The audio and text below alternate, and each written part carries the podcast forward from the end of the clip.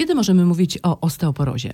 O osteoporozie mówimy wtedy, kiedy dochodzi do zmniejszenia wytrzymałości kości i, i zwiększonego z tego powodu y, ryzyka wystąpienia złamań. Związane jest to najczęściej po prostu ze zmniejszeniem gęstości mineralnej kości, zaburzeniem architektury kości. A czy na osteoporozę można zachorować w każdym wieku? Tak, oczywiście. Um, owszem, część, zdecydowanie częściej osteoporoza występuje u osób starszych, natomiast um, osteoporozę diagnozujemy także u osób młodych, przy czym wtedy mówimy um, najczęściej o osteoporozie wtórnej, to znaczy my szukamy innych schorzeń, innych zaburzeń, które doprowadziły do y, niskiej gęstości mineralnej kości. Częściej na osteoporozę chorują kobiety. Z czego to wynika? Z dwóch takich podstawowych przyczyn.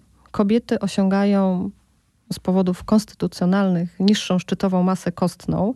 My tą masę kostną budujemy tak naprawdę od dzieciństwa, tak gdzieś do około 30 roku życia. I to, co my sobie zbudujemy, to jest taki nasz zapas na całe e, życie. I mężczyźni e, tą szczytową masę kostną osiągają e, wyższą, przez co już są tak jakby chronieni bardziej przed osteoporozą. Natomiast drugim takim czynnikiem jest menopauza czyli gwałtowny spadek poziomu estrogenów.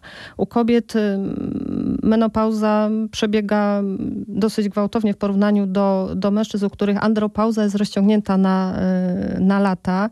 Y, poziom y, androgenów spada bardzo powoli. Także mężczyźni też bardzo długo są chronieni przed osteoporozą. Natomiast kobiety, u których nagle dochodzi do spadku poziomu estrogenów, które działają ochronnie na kość, i z tego powodu ta osteoporoza u nich występuje też częściej. Jesteśmy w sile wieku, jesteśmy powiedzmy aktywni, mamy jakieś niepokojące objawy. Co nas powinno tak najbardziej zaniepokoić? No, problem w osteoporozie polega na tym, że ona niestety bardzo często objawów nie daje żadnych. I mówi się nawet, y, że osteoporoza jest cichym złodziejem kości. Także przez wiele, wiele lat dochodzi do ubytku masy kostnej i my o tym nawet nie wiemy. Często pierwszym objawem jest niestety złamanie ale są pewne, pewne takie sygnały, które mogą nas zaniepokoić, czyli na przykład ubytek wzrostu. Zmniejszenie wzrostu o około 4 cm może wskazywać na obniżenie wysokości czonów kręgowych, czyli może wskazywać na, y, na osteoporozę. Czyli jeżeli nasz wzrost zauważymy, że jesteśmy niżsi o około 4 cm czy więcej, powinniśmy zgłosić się do lekarza i, i powiedzieć, że to nas niepokoi. Tak samo jeżeli w rodzinie nasi rodzice chorują na osteoporozę, czy chorowali, czy doznali złamań osteoporotycznych, też musimy mieć świadomość, że jesteśmy w grupie większego ryzyka wystąpienia y, osteoporozy. A waga ma tutaj znaczenie? Ma kolosalne znaczenie. To jest chyba jedyne schorzenie, gdzie lepiej być troszeczkę grubszym i więcej mieć y, masy ciała. Jednak niska masa kostna, niskie, e, przepraszam, niska masa ciała, niskie BMI jest silnym, e, niezależnym czynnikiem ryzyka rozwoju osteoporozy. My to bardzo mm, silnie obserwujemy na przykład u młodych kobiet chorujących na anoreksję, gdzie ta niska masa ciała powoduje u nich osteoporozę. Na osteoporozę chorują też dzieci. Możemy jakoś zapobiec temu? Rozbiłabym to na dwa, dwa problemy, ponieważ y, istnieją choroby wieku dziecięcego bardzo rzadkie, które mogą do osteoporozy doprowadzić i mówimy wtedy o osteoporozie wtórnej.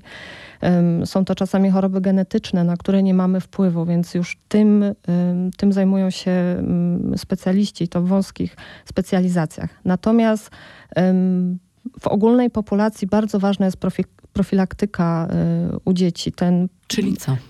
Czyli właściwa dieta, właściwa aktywność fizyczna i unikanie szkodliwych czynników y, ryzyka, ponieważ to warunkuje y, właściwy rozwój kości. Ten rozwój kości y, już zaczyna się w wieku, już zaczyna się w życiu łonowym. I później do około 30 roku życia my osiągamy tą swoją szczytową masę kostną, czyli to, co my zbudujemy sobie w naszym w, w dzieciństwie, w młodości, to jest nasz taki kapitał na, na, na, na, na, na lata późniejsze czyli dzieci, właściwa podaż wapnia, właściwa podaż witaminy, witaminy D y, i odpowiednia aktywność y, fizyczna są w stanie zapewnić właściwy rozwój kości i unikanie szkodliwych czynników, czyli unikanie palenia papierosów. Młode osoby palące papierosy niestety narażają się na to, że te kości u nich będą słabiej się rozwijać i będą w wieku starszym bardziej narażone na rozwój osteoporozy. No właśnie, a możemy jakoś opóźnić tę chorobę? Y, może nam pomóc suplementacja? Jak najbardziej. Suplementacja wapna yy, i witaminy D. Yy, tutaj większy nacisk położyłabym na witaminę D, ponieważ witamina D też warunkuje właściwe wchłanianie wapnia z przewodu pokarmowego.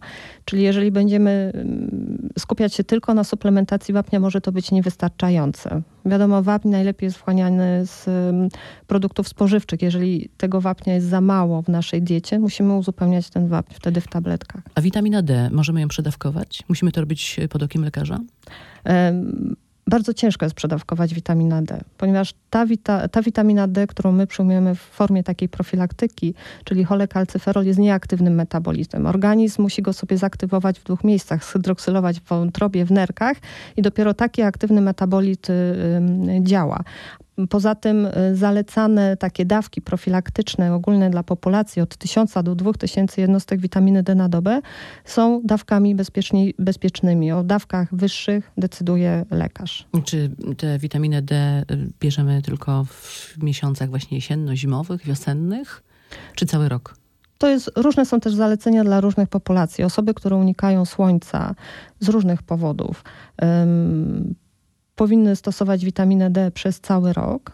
Natomiast osoby, które w okresie letnim korzystają z tych kąpieli słonecznych, mogą zrobić wtedy przerwy i nie stosować w lecie. Natomiast y, pamiętajmy też, że w okresie letnim, jeżeli stosujemy kremy z filtrem, to tak samo uniemożliwiamy syntezę witaminy D y, w skórze.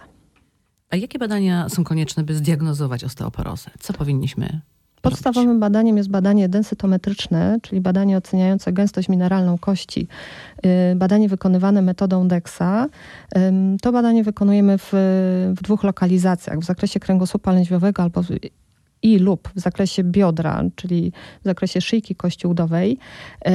Nie możemy, tutaj od razu też zaznaczę, nie możemy opierać się na wynikach badań wykonywanych w innych lokalizacjach. Czyli czasami są jakieś przenośne aparaty z ręki, z pięty.